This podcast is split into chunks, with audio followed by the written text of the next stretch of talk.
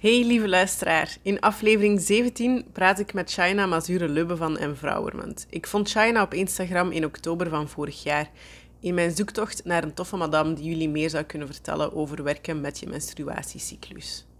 Shaina heeft eind 2019 Empowerment opgezet vanuit haar missie om de taboes en schaamte rondom menstruatie, hormonen en het vrouwelijk lichaam te doorbreken. In haar werk als toegepast psycholoog merkte ze hoe weinig rekening er werd gehouden met het menstruerende lichaam in de westerse wetenschap.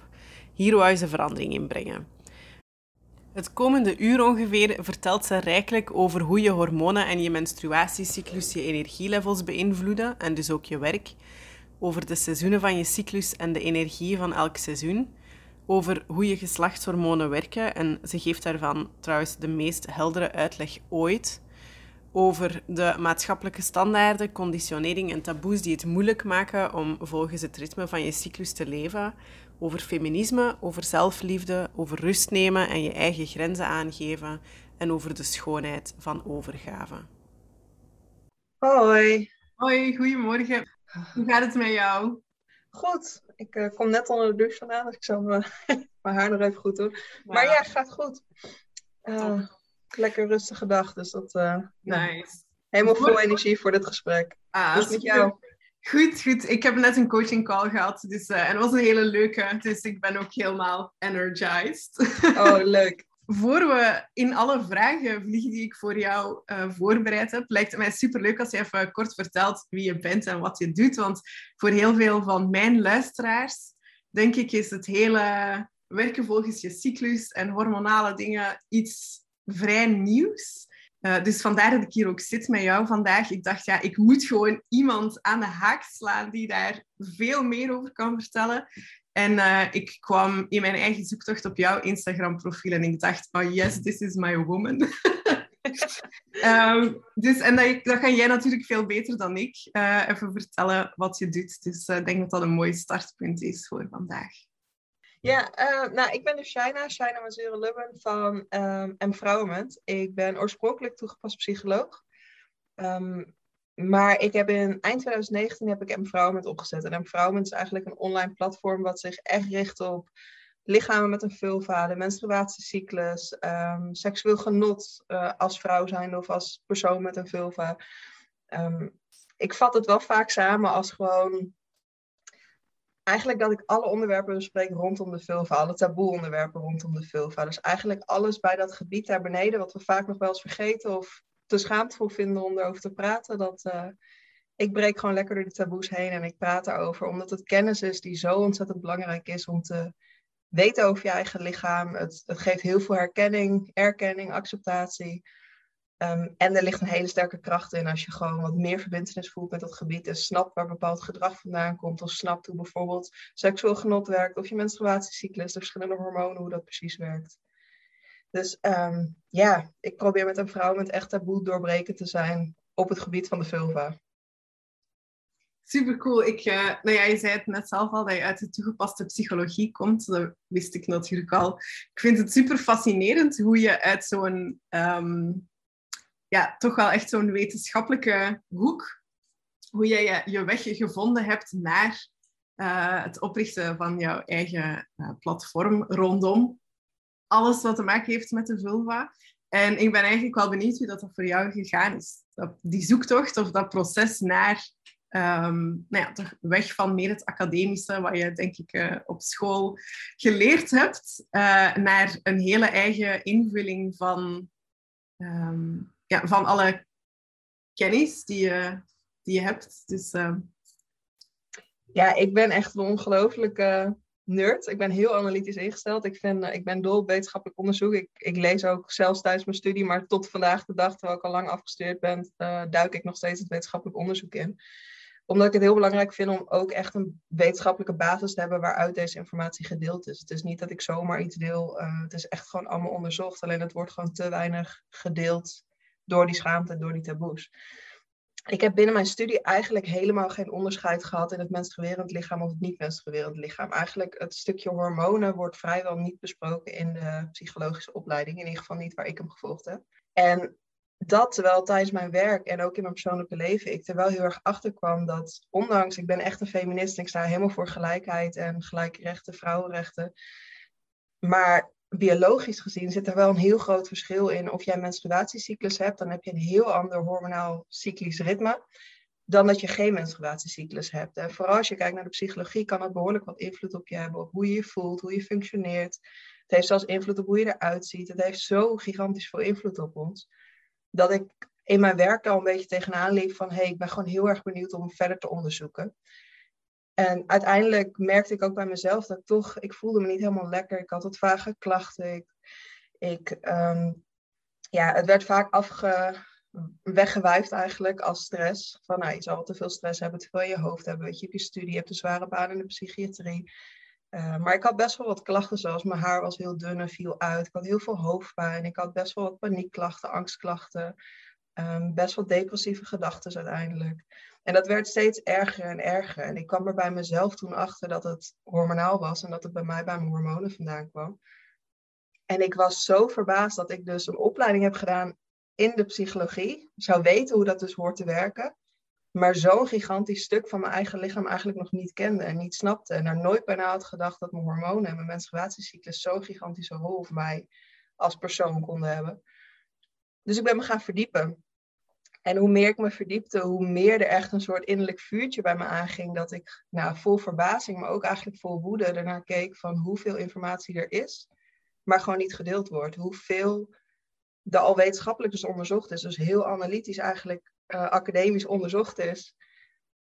Maar dat we dat gewoon niet bespreken in onze maatschappij. Dat we er geen rekening mee houden. En ja, dat, dat was voor mij echt de drempel. Dat ik dacht, ik ga naast mijn baan in de psychiatrie ga ik empowerment opzetten.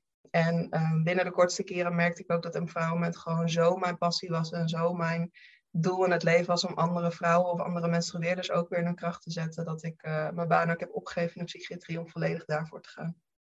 Ja, was helemaal duidelijk dat dat jouw missie in, in de wereld is. Ja, die kwaadheid vind ik ook wel heel herkenbaar. Zo, en dat er best wel wel veel onderzoek gedaan is, wat je ook net zei, maar dat, die, dat dat onderzoek ook niet op de juiste plekken terecht lijkt te komen of zo. Want als je als vrouw met of het nu mentale klachten of fysieke klachten rondom je menstruatie uh, zit, dan is de eerste plek waar je naartoe gaat toch vaak een huisarts. En die huisartsen die hebben heel vaak die studies uh, helemaal, ja, zijn daar niet mee bekend, hebben die niet gelezen. En dat is ergens wel begrijpelijk natuurlijk, want als huisarts moet je een beetje van alle markten thuis zijn. En dat betekent dat je ook van sommige markten iets minder thuis bent. Ehm, maar dan loop je vaak tegen een soort van uh, een muur op. Dat je uh, geen hulp kan krijgen waar je ze gaat zoeken en dat je niet goed weet hoe je dan zelf verder moet daarin, denk ik. Ik denk dat dat ja, voor vrouwen heel herkenbaar is. Ja, zeker. Er is gewoon zo weinig uh, kennis nog in onze maatschappij. Dus inderdaad ook bij de, uh, de specialisten, bij de professionals, is gewoon nog heel weinig kennis over dit type specialisme. Omdat hormonen is ontzettend, nou, het is ontzettend ingewikkeld. Het is heel interessant. Maar als je echt diep in alle hormonen wil duiken en wat dat allemaal beïnvloedt, dat is een heel ingewikkeld vakgebied. En zoals je zelf al zei, een huisarts bijvoorbeeld heeft heel veel kennis van heel veel verschillende dingen, maar die heeft geen specialisme in hormonen specifiek. Um, gelukkig sinds vorig jaar is er nu wel een regel dat als bijvoorbeeld hormonale anticonceptie wordt voorgeschreven, dat er ook wordt verteld over de, de psychologische bijwerkingen ervan.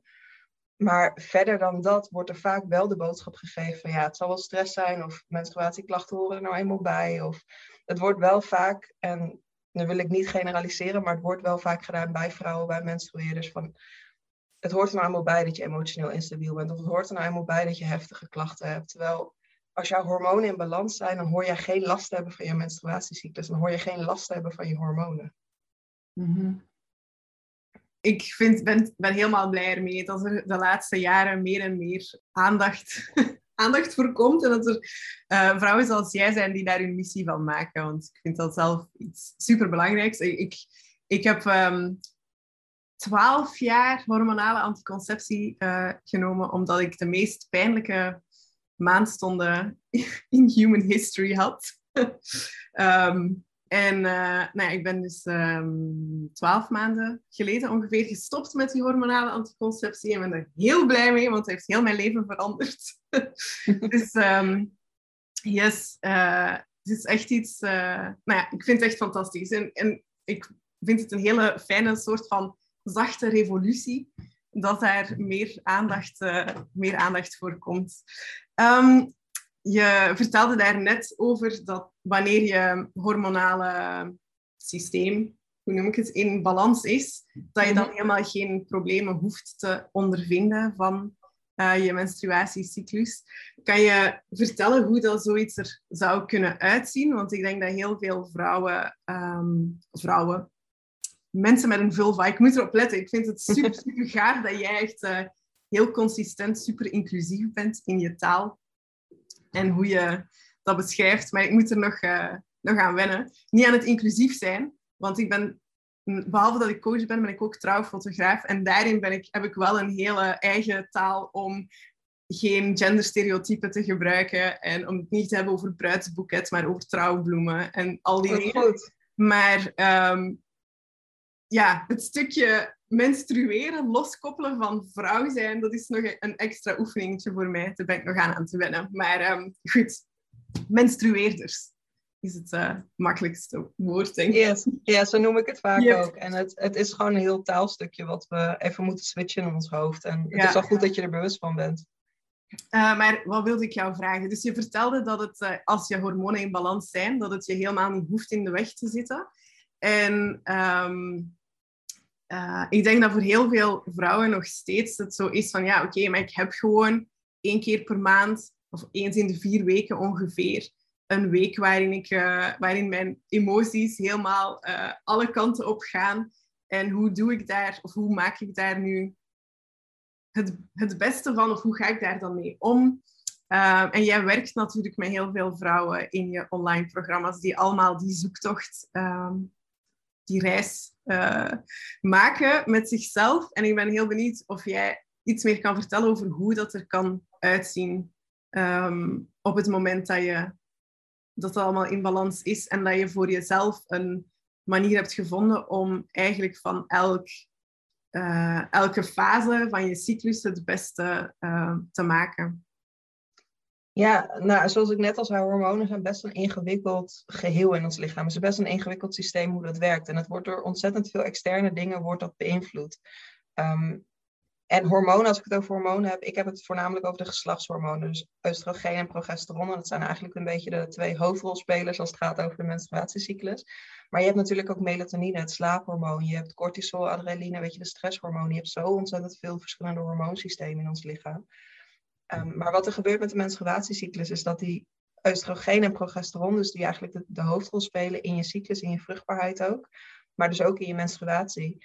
Ehm, die twee moeten eigenlijk met elkaar in balans zijn. Als een soort weegschaaltje moet het, de ene helft van de cyclus is de een wat meer aanwezig en de andere helft is de andere wat meer aanwezig. Maar zodra dat uit balans is, zodra bijvoorbeeld oestrogeen de gehele cyclus te veel aanwezig is, zal progesteron automatisch eigenlijk er niet aan kunnen niet kunnen competeren zeg maar, met, de, met oestrogeen daarnaast. Wat er dan gebeurt is dat je inderdaad klachten krijgt, zoals je net beschreef, dat je de week voor je menstruatie of tijdens je menstruatie PMS-gerelateerde klachten krijgt, heel emotioneel kan voelen, emotioneel instabiel kan voelen. Um, mensen kunnen, nou, het, weet je, er worden de meest rare benamingen ook aangegeven, dat mensen zich als een heks kunnen gedragen, of dat je, oh, je hebt last van je vrouwengriep, weet je, er worden zoveel eigenlijk hele negatieve woorden aangekoppeld, omdat mensen kunnen echt uit hun doen raken zodra die hormonen uit balans zijn. Wat het gebeurt als je dus vanuit een meer holistisch perspectief gaat aanpakken. Dus je gaat echt kijken van, goh, waarom zijn die hormonen nou precies uit balans? Welk hormoon is ook vooral uit balans of lijkt uit balans te zijn? En je gaat dus kijken van, hey, kan ik mogelijk met mijn stresshormonen, kan ik daar iets in reduceren, zodat die stresshormonen minder aanwezig zijn, waardoor progesteron wat meer ruimte krijgt. Um, of je gaat kijken qua voeding, zijn er bepaalde voedingsstoffen die ik mis? Uh, want voedingsstoffen zijn ontzettend belangrijk om hormonen weer aan te maken uiteindelijk. Um, en dat is dus ook wat ik doe in mijn programma's. Dus als je gaat kijken om die twee weer in balans te brengen, dan krijg je eigenlijk een cycli waar tuurlijk verschil zit in de ene fase van je cyclus waar oestrogeen meer aanwezig is, waardoor je wat meer zelfvertrouwen kan hebben en wat meer doelgericht bent. En ik beschrijf het vaak als een masculine energie, dus dat je heel erg uh, in een soort go-go-go mindset bent. Je bent heel sociaal, je wil de wereld lekker in, je wil dingen ondernemen, je durft wat meer risico te nemen. Versus de tweede helft van je cyclus, waarin je de progesteron wat meer in balans is, als de oestrogeen dus de ruimte maakt voor de progesteron, uh, waarin je wat meer naar jezelf toe treedt, wat meer naar je binnen, innerlijke wereld eigenlijk treedt en wat meer um, kwaliteiten bezit zoals creativiteit, intuïtie. En je hoort het misschien al, dat zijn veel zachtere kwaliteiten. En ik noem het dus ook de feminine energie. Uh, het zijn zachtere kwaliteiten, maar het zijn wel kwaliteiten. Zodra je, zolang je maar niet overschaduwd wordt door hormonale klachten of door inderdaad die emotionele instabiliteit, um, kan ook die tweede helft van je cycli een hele fijne fase zijn om, om in te zitten. Daarbij zit wel een maatschappelijk stukje ook, dat wij natuurlijk in onze maatschappij heel erg gericht zijn en heel erg voorrang en vooral uh, nou, prefereren om in die eerste fase te zitten, in die go-go-go mindset, in doelen behalen, actie, uh, sociaal zijn.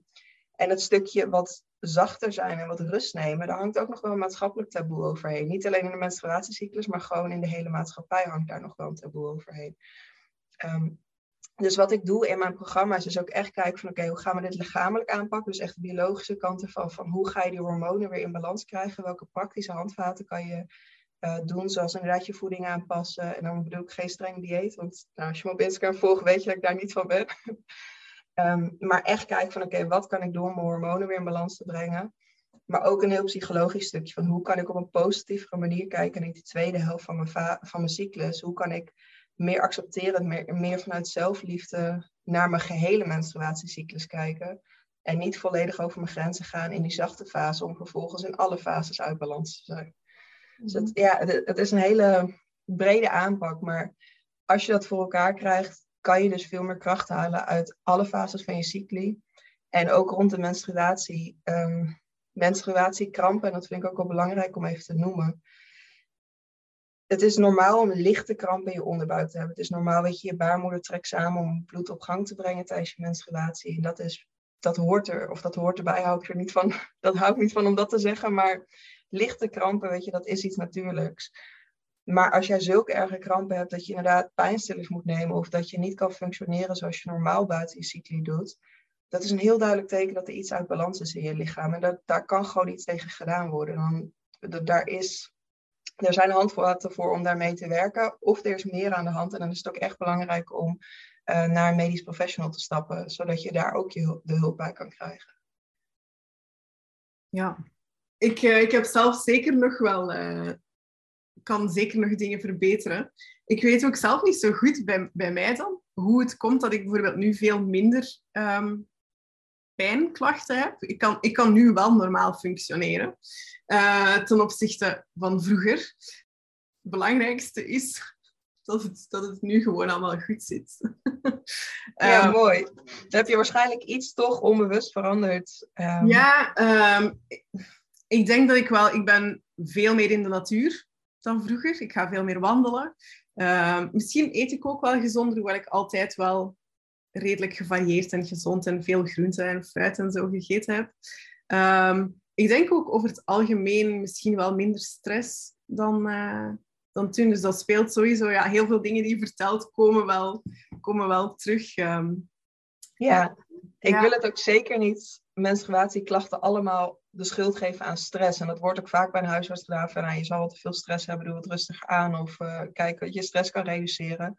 Maar die stresshormonen hebben wel echt een gigantische invloed op onze geslachtshormonen. Als je kijkt mhm. naar het stresshormoon cortisol, um, de voorstof eigenlijk van het stresshormoon en de voorstof van het hormoon progesteron, die ik net zei dat zo'n hoofdrol speelde in de tweede fase van onze cycli. De stof daarvoor eigenlijk, die is hetzelfde. Dus progesteron kan zich als het ware opofferen om cortisol aan te maken. Dus als jij in een stressstaat zit in je lichaam en dus heel veel cortisol nodig hebt om te functioneren en om door te kunnen gaan, dat betekent dus dat het voorstofje eigenlijk gebruikt wordt om dat cortisol te maken. En dat er niet meer genoeg is om voldoende progesteron te maken. En wat je dan eigenlijk al, nou je hoort het me al zeggen, er is niet voldoende progesteron, dus die oestrogeen is te veel aanwezig in je lichaam. Hm. Dus stresshormonen die hebben zeker een gigantische invloed op ons, maar het is niet voldoende om als medisch professional te zeggen, nou het zal wel stress zijn, succes ermee. Nee, ga kijken hoe kan je die stress aanpakken. Weet je, hoe kan je lichaam fysieke stress, uh, stress qua voeding, stress qua je sportcycli bijvoorbeeld, of tijdens je werk. Weet je, hoe kan je die stress ook echt daadwerkelijk aanpakken dat er weer ruimte is voor dat progesteron om toe te nemen?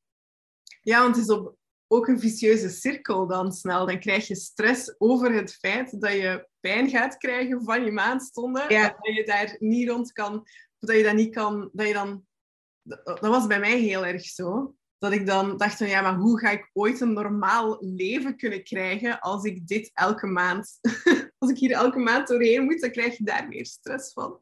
Ja, uh, zeker. Dus dat, dat helpt natuurlijk allemaal niet. Maar het is inderdaad gewoon de vaststelling, ja, het zal wel stress zijn, daar ben je alsnog niet mee geholpen. Dus dan, dat is nog maar het begin. Of het begin is een stukje, maar dan, dan is het inderdaad het moment om te gaan kijken, oké, wat kunnen we dan doen aan die stress? En welke andere dingen zijn er ook nog aan het, uh, hoe zeg je dat, at play?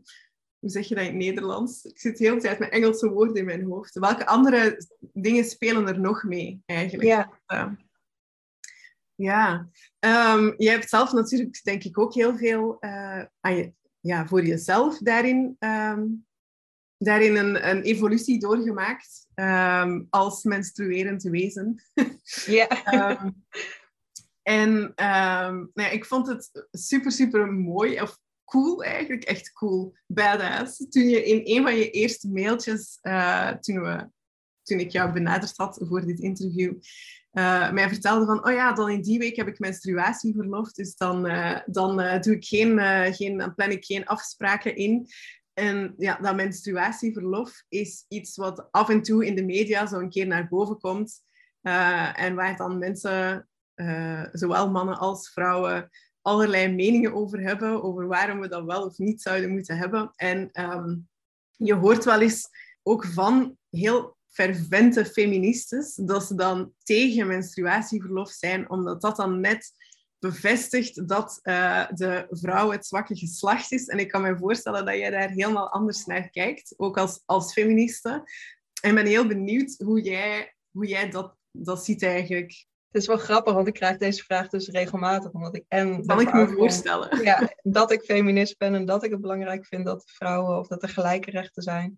En inderdaad ook een groot voorstander ben van menstruatieverlof. Ik neem zelf geen week menstruatieverlof. Ik heb ongeveer één à twee dagen voor mijn menstruatie in de eerste twee dagen. Dus het is ongeveer twee tot vier dagen. Maar als het over dit hele debat gaat, over is menstruatieverlof een reden waarom een vrouw of nou, menstrueerder het zwakkere geslacht zou zijn, daar zit een hele andere discussie eigenlijk onder. En dat is het feit dat verlof nemen, rust nemen, gelijk staat aan zwak zijn. En dat is zo'n groot iets en een zo gevaarlijk iets ook om dat, die twee aan elkaar te koppelen. Niet alleen voor menstrueerders, maar ook voor niet-menstrueerders. Weet je, voor mannen is dit net zo goed. Waarom zou je zwak zijn zodra je verlof neemt? Waarom zou je zwak zijn als je naar je lichaam luistert? en even een stapje terug doet af en toe. Het is niet voor niks dat we nu in een maatschappij leven waar overspanningscijfers, uh, burn-out cijfers, depressiecijfers gigantisch hoog zijn. Omdat we helemaal verleerd zijn hoe we dat stapje terug kunnen nemen. Helemaal verleerd zijn hoe we uit die sterke masculine energie, weet je, die go-go-go mindset, dat doelgerichte, ook in die zachte energie mogen landen. En ook af en toe dat stapje terug mogen doen. En zoals jij het net al zei, af en toe de natuur ingaan. Weet je, dingen doet om die stresshormonen weer naar beneden te brengen. Want die stresshormonen hebben niet alleen een gigantische invloed op onze menstruatiecyclus, uh, waardoor je in een soort visuele cirkel komt, waar we het net over hadden. Dat als je geen verlof neemt omdat je bang bent dat het zwak is, dat je te veel stresshormonen hebt, andere dingen waarschijnlijk doet, waardoor je hormonen steeds verder uit balans raken en je menstruatiecyclus steeds meer als een last gaat zijn, steeds meer je in de weg gaat zitten, waardoor je uiteindelijk je werk ook waarschijnlijk minder goed kan doen. Het is heel veel efficiënter en effectiever eigenlijk om af en toe een stapje terug te doen om, dat rust, om die rust te pakken, om dat verlof te durven pakken en om dat te accepteren in de maatschappij. Om dan de dagen daarna, de weken daarna weer waarschijnlijk harder te kunnen knallen, omdat je dat stapje terug hebt gedaan. En dat is iets waar ik me heel erg hard voor maak. Dus niet alleen voor menstrueerders, maar ook voor niet-menstrueerders. Verlof nemen of stapje terug doen of rust nemen staat niet gelijk aan zwak zijn. Dat, dat, dat idee, dat is een veel grotere discussie dan alleen waar ik me voor inzet. Dat is iets wat we als maatschappij veel meer mogen gaan beseffen niet alleen als feministe, maar iedereen eromheen, of je nou menstrueert of niet. Mhm. Ja, want mannen hebben natuurlijk hun eigen hormonale cyclus. Daar weet ik niet zoveel over, maar volgens mij is die 24 uur. of dat zeggen ze toch altijd, een vrouwen 28 dagen. Hoewel vrouwen ook de 24 uur cyclus hebben, lijkt mij. Want we moeten ook elke dag slapen. Ja, klopt. Maar, um, maar ja, hoe dan ook, als je dus niet de rust neemt die je nodig hebt voor je hormonale cyclus, hoe die er dan ook uitziet, dan krijg je, krijg je sowieso een probleem na, na een bepaalde periode. Je lichaam kan maar, je lichaam kan, je kan altijd wel je lichaam pushen, maar dat duurt, je hebt maar zoveel marge daarin, lijkt mij, voor je andere klachten, vermoeidheid. Uh, ja, zeker. Whatever problemen krijgt. Dus um, ja, super mooi. Ik vind het nemen van rust op het moment dat je lichaam je vertelt dat je het nodig hebt, is ook een van de dingen waar ik, waar ik mij heel geëngageerd voor in de strijd gooi. Ook voor zowel mannen als vrouwen, want ik coach ook mannen. Dus, uh, dus sowieso, zij uh, zullen van mij ook altijd steun en support krijgen om meer manieren te vinden om rust in te bouwen in hun uh, leven en ritme voor zichzelf. Maar dat brengt mij eigenlijk een beetje tot de volgende vraag. En dat is hoe, uh, hoe jij, behalve je zei al die vier dagen, twee tot vier dagen menstruatieverlof die je neemt in je cyclus, hoe jij op andere manieren, of eigenlijk ja, over de hele lijn, die ruimte voor jezelf creëert binnen je bedrijf, maar eigenlijk ook binnen je leven. Ik leef volledig naar mijn cycli. Um, ik ben me er heel erg bewust van dat ik ook dat privilege heb en de vrijheid heb als zelfstandig ondernemer om dat ook op mijn werk te kunnen doen. Weet je, dat is bij heel veel mensen zal dat niet het geval zijn en die zouden het alleen in hun leven buiten werk om kunnen toepassen. Um, maar ik plan inderdaad alles rondom mijn cyclus in. Dus ik maak volledig, ik benut eigenlijk volledig bepaalde hormoonpieken, zoals de piek rondom je ovulatiefase, dat je even piekt in het oestrogeen en uh, de testosteron. Dus dat is een fase waarin je veel meer, nou, in die masculine energie veel meer dingen durft te doen. Waarschijnlijk wat minder angst hebt, meer zelfverzekerd bent. Je bent socialer op dat moment. Dus dat is echt de perfecte fase om dit soort interviews te doen. Waarin ik veel moet praten, waar ik een nieuw iemand leer kennen. Weet je, dat is iets wat uh, belangrijk is, dat ik mezelf eigenlijk letterlijk naar de externe wereld kan geven. Ehm, maar ook interviews voor tijdschriften doe ik rondom die fase, of probeer ik rondom die fase in te plannen. Fotoshoots probeer ik rond die fase in te plannen.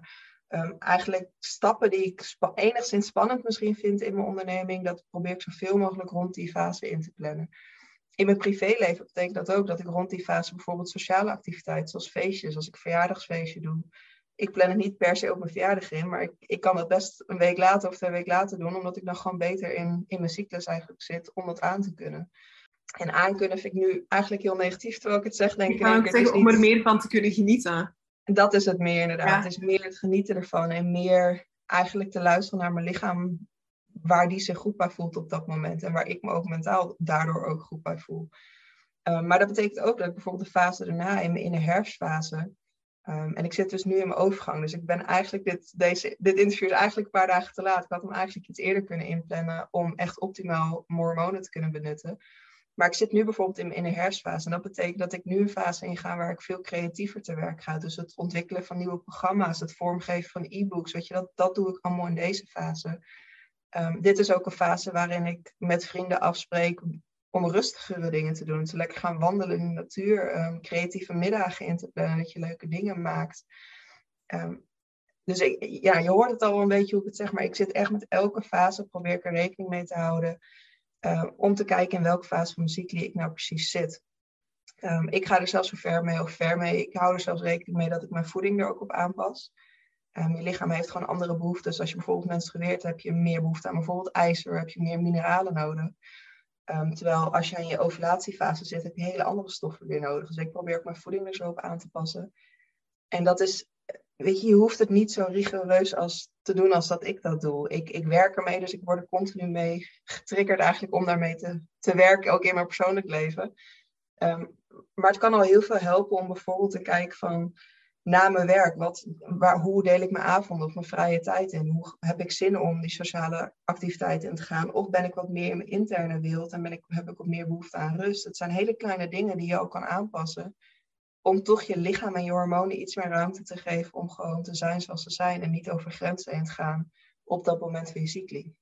Mm Ja, ik kan me ook helemaal voorstellen, of dat is voor mij heel herkenbaar in elk geval, dat ik heb, ik heb heel lang door niet te begrijpen hoe die cyclus in elkaar zit, heel veel frustratie gehad over waarom kon ik dit vorige week wel en lukt dat mij vandaag echt niet? Of kost dit mij ontzettend veel moeite? Of ehm, eh, waarom kan ik de ene dag wel genieten van meer de extraverte versie van mezelf te zijn en zou ik de andere week het liefst alleen maar onder een tekentje op de bank kruipen en niemand zien. En gewoon de frustratie daarover maakt het veel moeilijker. En ook geeft, geeft of gaf mij altijd het gevoel van dat je in cirkeltjes aan het lopen bent en dat je elke keer tegen dezelfde dingen aanbotst, maar dat je het gevoel hebt dat er nooit verbetering in komt of dat, dat er iets aan zou moeten verbeteren. Ehm, terwijl als je het vergelijkt met, en daarom vind ik dat ook zo mooi um, om de seizoenen van je cyclus te vernoemen naar de seizoenen in de natuur. Omdat als de natuur zou elk jaar opnieuw gefrustreerd zijn omdat de bloemen stoppen met bloeien en de natuur zou zoiets hebben van allee bloemen, kom aan, bloei dan. dan ja. ja dat, zou ook, dat slaat ook helemaal nergens op. Dus gewoon het stukje, nog los van de fysieke klachten, maar het stukje aanvaard, aanvaarding en inzicht in hoe het werkt, kan ook al zoveel ruimte, ruimte creëren. Of dat gevoel heb ik in elk geval erbij, dat dat ook een, een wereld van verschil maakt. Ja, ik benoem het ook vaak van als je een moestuin hebt bijvoorbeeld, je gaat dan ook niet je, je groentes zaaien of planten op het moment dat het winter is en de vorst is. Weet je, je, daar pas je je ook aan aan de omgeving om je heen. Of als je naar buiten gaat om te wandelen, je gaat niet in de winter in één keer in je bikini naar buiten, want dan trek je je winterjas aan. Dus waarom zou je je wel aanpassen aan de seizoenen in de natuur, maar wil je je niet aanpassen aan de seizoenen in je innerlijke wereld, in je lichaam? Want die zijn net zo goed vaststaand en die bewegen net zo goed. nou, je zei net een cirkeltje het is wel een cyclus, het is een cirkeltje inderdaad waar het in beweegt. En dan kan je wel heel erg proberen om in die ene zomerfase te blijven zitten of in een lentefase als je die lekker vindt voelen. Maar net als de natuur gaat het gewoon weer verder en je komt weer in de ene en in de ander. Dus waarom zou je niet op zoek gaan naar de kennis? En dat is echt stap één en daarom zet ik me daar zo hard voor in. Deel die kennis weer met elkaar. Ga op zoek naar die kennis over je eigen lichaam. Ga op zoek naar die kennis over je menstruatiecyclus, over je hormonen, eigenlijk alles omtrent de vulva. Want dan kan je gaan samenwerken met dat cirkeltje. Dan kan je letterlijk met elk seizoen snappen van oké, okay, maar moestuin moet ik nu de groentes planten. Nu moet ik ze oogsten. Nu moet ik juist de grond verbeteren. Dat je weet wat je kan doen in elke fase van je cycli. En daar ook echt het kan benutten. Mhm. Ja, en ook zien wat de functie van elke fase is in het grotere geheel. En dat is ook een beetje, ja, dan komen we ook weer terug bij die rust. Op het moment dat je in je, in je winter of einde van je herfst in je winter komt en je lichaam geeft gewoon aan, ja, ik moet gewoon, ik heb nu gewoon die rust nodig, dan kan je je daar druk in maken en zeggen, nee, ik moet keihard verder blijven, go, go, go. Maar je kan ook zeggen, nee, ik ga nu gewoon rusten, want dan kan ik straks weer al die zaadjes planten en dan, dan wordt het veel ja, rustiger of zo. Als ik, als ik daar aan denk, op het moment dat ik dat de eerste keer las over de seizoenen van de cyclus, dan had ik echt zoiets van, ah, ja, rust. Ehm, alleen dat al is een heel bevrijdend uh, gevoel, uh, denk ik. Um, het geeft ook veel meer acceptatie dat je weet van, wat jij zei, dan die vraag van waarom lukt het nou niet? Of waarom uh, ben ik zo moe deze week? Of waarom heb ik geen concentratie? Of waarom heb ik helemaal geen zin om iets te doen? Het geeft veel meer acceptatie als je gewoon bewust bent van, oh ja, mijn hormonen zijn weer aan het veranderen. Uh, ik wil zeggen, het ligt niet aan mij, maar het ligt wel aan je lichaam. Maar het is iets waar je niks aan kan doen. Het is iets mhm. waar je gewoon aan over mag geven. En overgeven is niet altijd iets negatiefs. Nee, nee, absoluut niet. Doorgaans niet. Overgave is iets anders dan... Overgave is ook geen zwakte, zeg maar. Dat nee. ja. Dus net als iets in dansen of zo, dan geef je je ook over aan de muziek. En dat is juist, dan is het juist dan voelt het juist goed. Op het moment dat je dat kan doen, dan kan je er plezier aan hebben. Dus, um... ja, ja, je kan je letterlijk laten leiden door de flow van de dans of de flow van je menstruatiecyclus. De flow van het leven eigenlijk. Ja. ja. Ik had net nog een vraag in mijn hoofd voor jou, maar ze ontsnapt mij. Ik heb volgens mij ook al de hele tijd een wimper in mijn oog. Oh. ja, dat kan, kan, natuurlijk alleen maar jij zien. De mensen die luisteren, die hebben geen idee dat ik al de hele tijd in mijn ogen zit. um, Wat wilde ik jou vragen? Ja, misschien voor, want we zijn uh, in de seizoenen aanbeland. En misschien is het ook wel leuk voor de mensen die luisteren die nog niet zo goed weten van hoe werken die seizoenen dan. Kan je daar misschien nog kort even iets over vertellen? Wat, um, ja, hoe elk seizoen werkt, of welke rol het heeft in je cyclus, qua, maar ook qua energie. En misschien ook wel, want dat vind ik heel leuk, om te weten wat dat voor jou in elk seizoen je favoriete, je favoriete aspecten zijn. Omdat heel veel, tenminste ik, ik ook voor de longest time, dat je heel negatieve associaties kunt hebben met die winter en die herfst. Ehm, en dat hoeft natuurlijk helemaal niet zo te zijn. Dus ik vind het ook echt leuk om de positieve, de positieve kanten van die seizoenen even te belichten. Wat een uh, leuke vraag om ook inderdaad die positieve kanten. Dat is iets wat ik ook heel, nou, als toegepast psycholoog, ook in mijn programma's. Dat is een van de eerste dingen die ik aanpak, is de negatieve woorden en negatieve associaties die we met bepaalde seizoenen of bepaalde fases kunnen hebben, om die aan te pakken. Ehm, ja, de menstruatiecyclus. Ik uh, vind het heel leuk om meer over te praten, dus ik zal mijn best doen om het kort te houden. nee hoor, je hebt de tijd. We zijn, uh, ik denk dat we 40 minuten aan het kletsen zijn, dus je hebt nog 20 minuten om... Uh... Om vol over de menstruatiecyclus. Ja. nee, ik, ik ga het ook niet al te uitgebreid, want nou, wat ik zei, het is best wel veel informatie en we hebben ook al best wel veel besproken nu. Ehm, maar iets om het makkelijk te maken zijn inderdaad die seizoenen waar we het net over hadden. De menstruatiecyclus bestaat eigenlijk uit vier verschillende fasen. Um, en die zijn te vergelijken met de seizoenen zoals we die kennen in de natuur, de vier seizoenen. Zo heb je de menstruatie zelf, dus eigenlijk is dat het begin van een nieuwe cyclus, de dag dat je begint te bloeden. Um, die wordt vergeleken met de innerlijke winterfase. En dat is eigenlijk de fase dat net als de winter je wat meer behoefte hebt aan warmte, wat meer behoefte hebt om binnen te zitten, lekker op de bank met een warm dekentje. Um, het is een fase waar je je eigenlijk wat meer naar binnen begint te keren. Wat je wat meer rust mag nemen, een stapje terug mag doen. En net zoals ik heel erg kan houden van de winter in de natuur, dus de het seizoen winter. Ik vind, het heel, ik vind het echt iets knus hebben. Ik vind het heel heerlijk om inderdaad lekker op de bank met iemand te kunnen knuffelen. Gewoon lekker, of met een notitieblokje erbij en mijn gedachten van me af te schrijven. Het heeft ook iets heel moois om een stapje terug te doen. En dat, nou, we noemden het net dat het niet zwak is, maar om inderdaad dat stapje rust te mogen nemen. Om de warmte op te zoeken, om echt even zelfliefde naar jezelf te mogen geven. En mijn lichaam, mijn menstruatie, mijn lichaam geeft me echt een herinnering door mijn menstruatie om die fase voor mezelf in te lassen. Om eigenlijk een soort mini-winterslaapje, of nee, niet een slaapje, maar mini-winter retrette voor mezelf te creëren. Dat ik even een stapje terug mag doen en even liefdevol naar mezelf mag zijn. Ehm, ook is de menstruatie een fase waarin je heel veel inzichten kan krijgen. Juist omdat je het stapje terug doet, kan je heel veel inzichten krijgen over je emoties. Er kunnen bepaalde emoties ook omhoog komen. Um, het kan een fase zijn waar je heel erg vanuit een intuïtie voelt dat je iets helemaal niet meer wil doen. Of juist vanuit je intuïtie voelt dat je iets wel wil doen. Dus het is ook een fase waarin je juist die inzichten heel erg kan krijgen. Um, ik zei dit met een reden, oh ja, ik wou er naartoe dat, dat je lichaam je ook een heel groot inzicht geeft door je menstruatiebloed. Het is ook echt een soort maandelijkse health check. Aan je menstruatiebloed kan je namelijk echt zien hoe gezond je cycli is, hoe gezond je hormonale balans bijvoorbeeld is, aan de kleur van het bloed, de substantie van het bloed. Uh, we doen altijd een beetje angstig over, maar eigenlijk is je in een winter een hele inzichtvolle, een hele intuïtieve, maar een hele informatieve fase eigenlijk. Um, vanuit daar begint eigenlijk gedurende je menstruatie al beginnen hormonen zoals oestrogeen en testosteron langzaam weer toe te nemen. En je lichaam gaat zich eigenlijk klaarmaken voor de ijsprong. Dus je komt vanuit je inner-winterfase, vanuit die menstruatie, kom je in je inner-lentefase.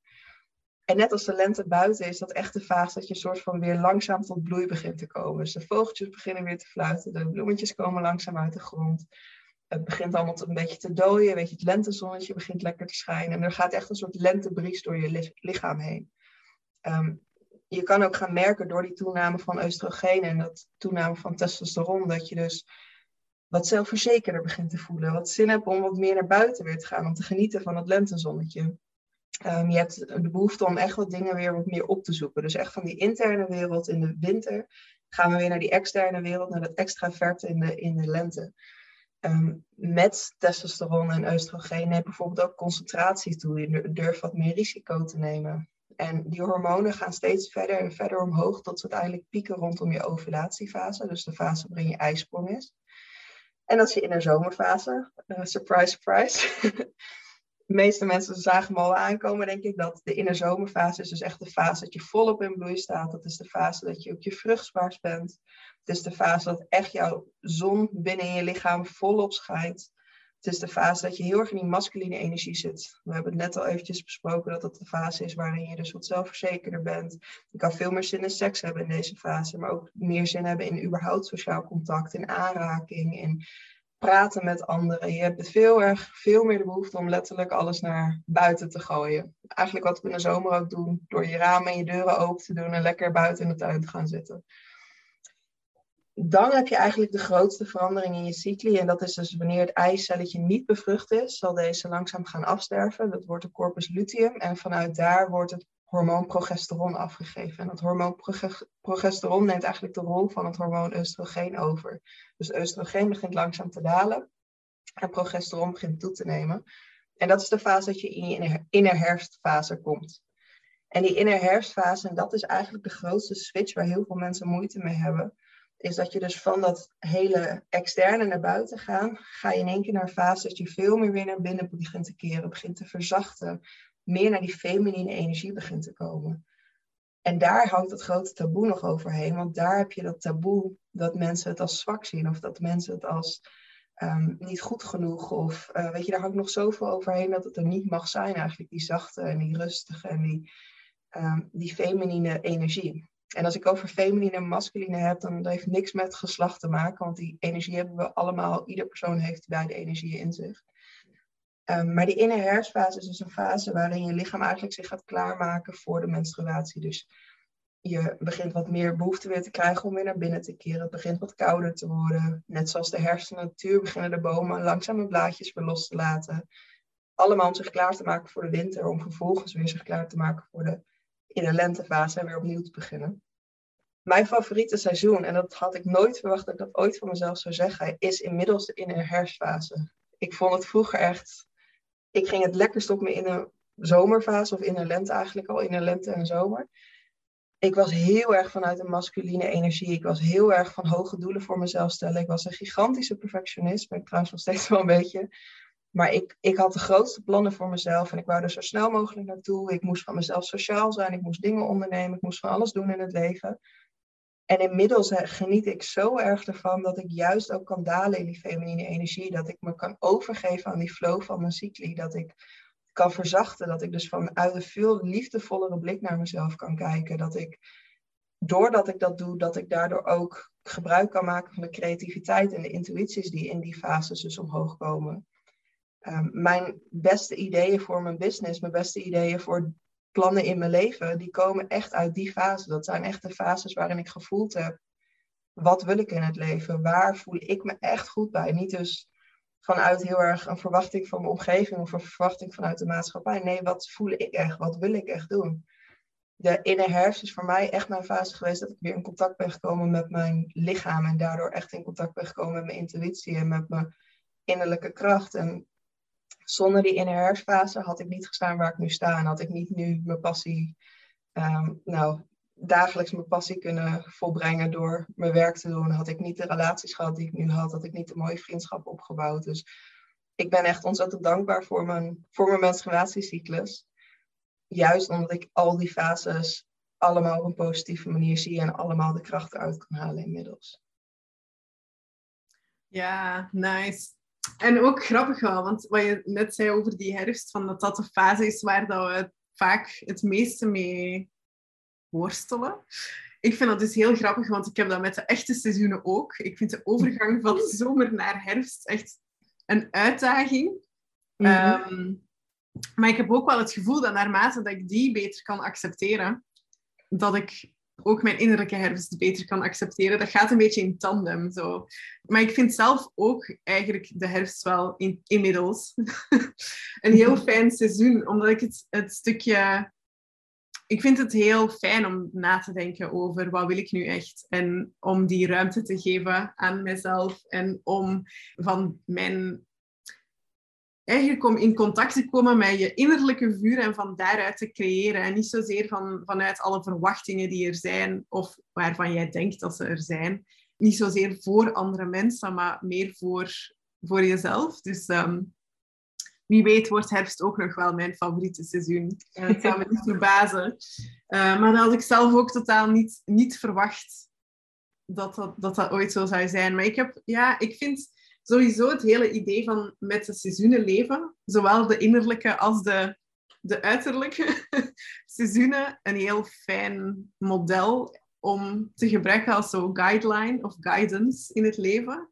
Ja. Ehm, en ik denk dat we dat uh, in de, tijdens de industriële revolutie een klein beetje zijn kwijtgeraakt. ja, we zijn heel erg die connectie met de natuur. Want de natuur, de seizoenen in de natuur, dat, dat laat letterlijk zien dat er periodes van rust zijn. En periodes zijn waarin je heel veel voor elkaar krijgt en heel veel creëert. Ja. Wij blijven in een soort creatiefase hangen. En dat is heel mooi, maar dat is niet in balans. En je, je mist een hele polarisatie als je niet ook die fases van rust kan accepteren en kan toelaten. En ik denk echt dat de natuur onze grootste leermeester daarin is. Ja. Meesteres eigenlijk. Ja, ja, Moeder ja. natuur. Ja. ja. We hadden het er daar net ook al een beetje over toen je zei van... Uh, ja, ik heb natuurlijk die vrijheid om mijn leven zo in te richten als zelfstandig ondernemer. Of meer vrijheid daarin dan, uh, dan iemand die in loondienst werkt. Nu, heel veel van de mensen, van mijn luisteraars, zijn trouwfotografen. Uh, of werken in de trouwbranche. Niet allemaal, maar wel een groot percentage. Ik denk toch wel drie kwart of zo. En in de trouwbranche is het ook eigenlijk best wel moeilijk om dan je afspraken en de meer outgoing activities in je zomer in te plannen. Al is het maar omdat bijvoorbeeld de, de meeste koppels die boeken jou als fotograaf of als wedding planner of als stylist of make-up artist heel vaak meer dan een jaar vooraf. En dan, dan moet je echt al een heel duidelijk beeld hebben van ehm, of een heel regelmatige cyclus hebben en ook heel goed weten hoe die cyclus er precies uitziet voor je zo ver vooruit wil kunnen inplannen. En uh, dat was ook een vraag die ik kreeg van, van, ehm, van een aantal van mijn volgers. Ja, oké, maar hoe, hoe, hoe hou je er, daar dan rekening mee? En ik denk zelf wel dat er, dat er ook andere manieren zijn om daar rekening mee te houden. Of om in elk geval, als je een uh, afspraak hebt in je winter of in je herfst, dat je andere dingen kan doen om ervoor te zorgen dat je daar dan de reserves voor opbouwt. Of dat die toch dat die minder uh, zwaar voelen. Of, ik ben heel benieuwd of jij dus nog tips hebt voor mensen, um, en dat mag kort en bondig, maar voor mensen die in een situatie zitten of in een beroep zitten waarin het niet zomaar kan om te zeggen, nee, die vier dagen, dan plan ik niks in. Ja, zeker. Dat, eh, ik denk dat grotendeels van de mensen hun beroep er niet op aan kunnen passen. En dat, uh, dat, nou wat ik zei, ik ben daar heel bewust van en heel dankbaar voor dat ik dat kan doen. Maar dat is zeker niet een vereiste om cyclisch te kunnen leven. Of het is zeker geen vereiste om je hormonen in balans te brengen dat je beroep erop aan kan passen. Dat zou heel mooi zijn als dat uiteindelijk kan. Uh, maar niet altijd haalbaar. Ik heb ook wel eens afspraken of fotoshoots in mijn innerwinter, dat dat niet mijn ideale fase daarvoor is. Je werk is maar heel ik wil niet zeggen een klein deel, maar het is maar een deel van je leven. Het is, er is zoveel meer naast je werk wat je kan doen om wel cyclisch te leven. Dus zoals jij zegt, de reserves opbouwen. Weet je dat een, bijvoorbeeld een fotoshoot als fotograaf, dus niet dat je aan de andere kant van de camera dus eigenlijk staat. Maar als je dat bijvoorbeeld hebt rond je herfst of je in de winterfase, wat helemaal niet erg is, want dan is je creativiteit heel hoog, wat ook heel fijn kan zijn als fotograaf. Maar probeer dan inderdaad de dagen eromheen bijvoorbeeld wat meer rust te nemen. Probeer die avond wat meer rust te nemen. Probeer als je een gezin hebt in je gezinsleven met je partner te overleggen. Van hé, hey, ik zit in die fase, maar ik heb toch deze klus of ik heb toch deze drukke dag op mijn baan. Of um, ik heb een stressvol iets wat ik eigenlijk, uh, waar al mijn energie heen gaat die ik in deze fase heb. Uh, een partner die bijvoorbeeld wat over kan nemen, of vrienden of vriendinnen of familie in je omgeving die je mogelijk wat kunnen helpen. Um, ik heb bijvoorbeeld met mijn partner de afspraak dat in mijn menstruatieverlof hij gewoon wat meer taken in het huishouden opneemt. Dus als ik wil werken, kan ik de energie daaraan besteden en ondersteunt, mij hij, ondersteunt hij mij door de andere taken wat meer op te nemen.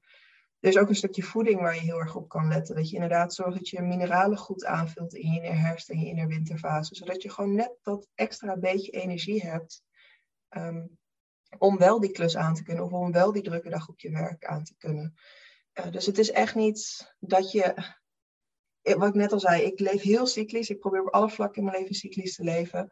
Maar als je dat al op een paar vlakken toepast, dat gaat al zoveel verschil brengen en voor die stresshormonen, maar ook voor je geslachtshormonen en je algehele cycli uiteindelijk.